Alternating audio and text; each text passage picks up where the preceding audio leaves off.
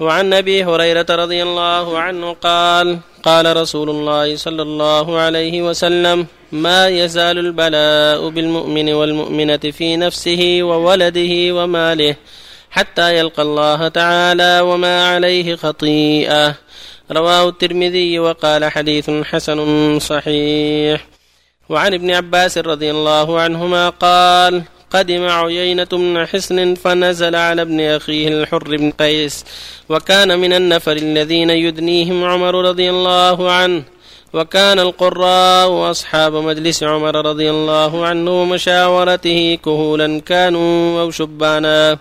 فقال عيينة لابن أخيه يا ابن أخي لك وجه عند هذا الأمير فاستأذن لي عليه فاستأذن فأذن له عمر فلما دخل قال هي يا ابن الخطاب فوالله ما تعطينا الجزل ولا تحكم فينا بالعدل. فغضب عمر رضي الله عنه حتى هم أن يوقع به فقال له الحر يا أمير المؤمنين إن الله تعالى قال لنبيه صلى الله عليه وسلم خذ العفو وأمر بالعرف وأعرض عن الجاهلين. وإن هذا من الجاهلين. والله ما جاوزها عمر حين تلاها وكان وقافا عند كتاب الله تعالى. رواه البخاري. وعن ابن مسعود رضي الله عنه أن رسول الله صلى الله عليه وسلم قال إنها ستكون بعدي يثرة وأمور تنكرونها. قالوا يا رسول الله فما تأمرنا؟ قال تؤدون الحق الذي عليكم وتسألون الله الذي لكم. متفق عليه. وبالله التوفيق. صلى الله بسم الله الرحمن الرحيم. الحمد لله وصلى الله وسلم على رسول الله.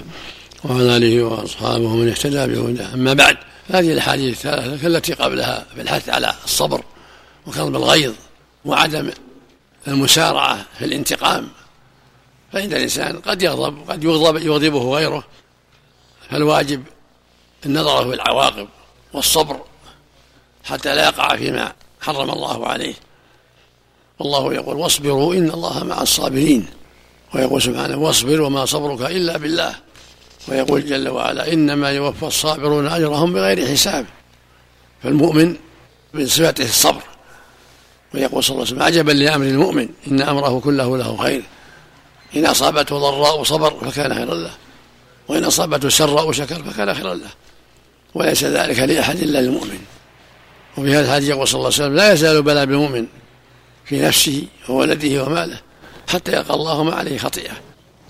فالإنسان يبتلى تارة في نفسه بالمرض ونحوه تارة في الولد تارة في المال فلا بد من الصبر. والحديث ما أصاب موسم من هم ولا غم ولا نصب ولا وصب ولا أذى حتى الشوكة يشاكها إلا كفر الله بها من خطاياه. فلا بد من الصبر في جميع الأمور عندما يحب وعندما يكره. يصبر حتى يؤدي ما أوجب الله ويصبر حتى يبتعد عما حرم الله يرجو ثواب الله ويخشى عقابه سبحانه وتعالى. الحديث الثاني أن عيينة بن حصن الفزاري رئيس فزارة من قبيلة من العرب قدم على عمر في زمن خلافته رضي الله عنه وكان ابن أخيه الحر بن قيس من جلساء عمر ومن أهل العلم فقال للحر استأذن لي على هذا الأمير فاستأذن له الحر وأخبره بحاله فلما دخل على عمر وسلم عليه قال فيه يا ابن الخطاب إنك لا تعطينا الجزل ولا تحكم فينا بالعدل. وهذه كلمة جافية قد كذب فيها وأخطأ فيها. فإن عدل عمر يضرب به المثل وتحريه الحق رضي الله عنه وحرصه على نفع الرعية وإلزامهم بالحق ومنعهم من كل ما حرم الله. فغضب عمر عند ذلك وهم به يعني أن يوقع به تأديبا. فقال له الحر يا أمير المؤمنين إن الله يقول لنبيه صلى الله عليه وسلم خذ العفو وأمر بالعرف وأعرض عن الجاهلين والله إن هذا من الجاهلين. فما جاوزها عمر وسمح وعفى وصفح عن كلمته القبيحة. ففي هذا منقبة لعمر رضي الله عنه. وحث على التأسي به عندما يتكلم الجهال بما يغضب المسؤول من الأمراء أو القضاة. لا بد من الصبر والتحمل واحتساب الأجر. وقد كان كثير من الأعراب وغير الأعراب يغضبون النبي صلى الله عليه وسلم ويتحمل ويصبر عليه الصلاة والسلام. وقد كان في بعض الطرقات فصادفه أعرابي عليه الصلاة والسلام وأمسك رداءه وجره بعنف حتى أثر في رقبته عليه الصلاة والسلام. وقال أعطنا من مال الله الذي عندك. فإنك لا تعطينا من مالك ولا من مال أبيك. فتبسم عليه الصلاة والسلام ولم يقل له شيء وعفى عنه وأمر بإعطائه بعض الشيء. فالمقصود أن الصفح والصبر من ولاة الأمور ومن المسؤولين منقبة عظيمة. فينبغي للمسؤول من أمير أو قاضي أو غيرهما ولكل مسلم التحمل والصبر وعدم العجلة في الانتقام. تقدم قوله جل وعلا في وصف المتقين والكاظمين الغيظ والعافين عن الناس. قوله جل وعلا فمن عفا وأصلح فأجره على الله. قوله سبحانه وأن تعفوا أقرب للتقوى. قوله فاصفح الصفح الجميل. الحديث الثالث مسعود. يقول عليه الصلاة والسلام إنه سيلي عليكم أمراء فتعرفون وتنكرون. يعني أمراء فيهم الطيب وفيهم الخبيث فيهم الظالم وفيهم غيره. قال ابن مسعود قال الصافي ما تأمرون يا رسول الله؟ قال أدوا إليهم حقهم واسألوا الله الذي لكم. يعني اسمعوا وأطيعوا أدوا إليهم حقهم بالسمع والطاعة وإذا قصروا في حقكم فاسألوا الله الذي لكم. ولا تنزعوا يدا من طاعة. ولا تفتحوا باب الفتنة. اصبروا.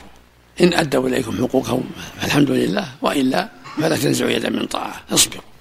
ولهذا قال أدوا إليهم حقهم واسألوا الله الذي لكم.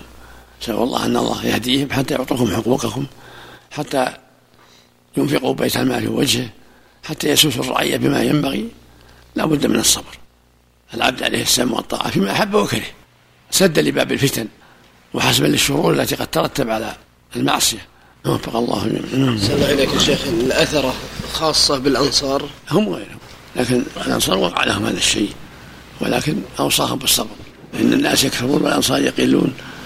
فأوصاهم بالصبر لأن الأمراء من قريش وغيرهم قد يفضلون عليهم غيرهم. الله المستعان حديث أبو هريرة أحسن الله إليك ما يزال البلاء بالمؤمن يدل أنه ما يقع بلاء إلا بذنب. نص القرآن أبلغ وما أصابكم من مصيبة فبما كسبت أيديكم ويعفو عن كثير. ما أصابك من حسنة فمن الله وما أصابك من سيئة فمن نفسك أسبابها نفسك نعم. بالنسبة للأمراض البدنية هل الأولى الصبر أم مبادرة إلى الدواء؟ لا العلاج هو أفضل.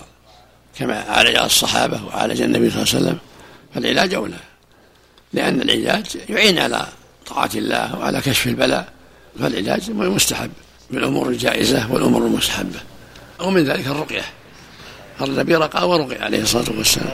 أحسن الله عملك بالنسبة تكرار مثلا العلاج على نفس المريض من شخص إلى شخص من القراء هل يعني ينبغي ذلك أحسن الله عملك؟ لا مانع أو لا مانع الحمد لله. أو مثلا يكتفي عباد الله تداووا ولا تداووا بحرام، ما أنزل الله تعالى الا أنزله شفاء. علمه من علمه جهله من جهله. يعني مثلا أحسن الله عملك هل يكرر على شخص واحد أو يتكرر على عده اشخاص؟ على كل يعمل ما يراه ما يراه إن شاء الله نافعا ويجتهد يجتهد لعل الله ينفع بالأسباب من طبيب إلى طبيب ومن قائد إلى قائد حسب الله حسب التيسير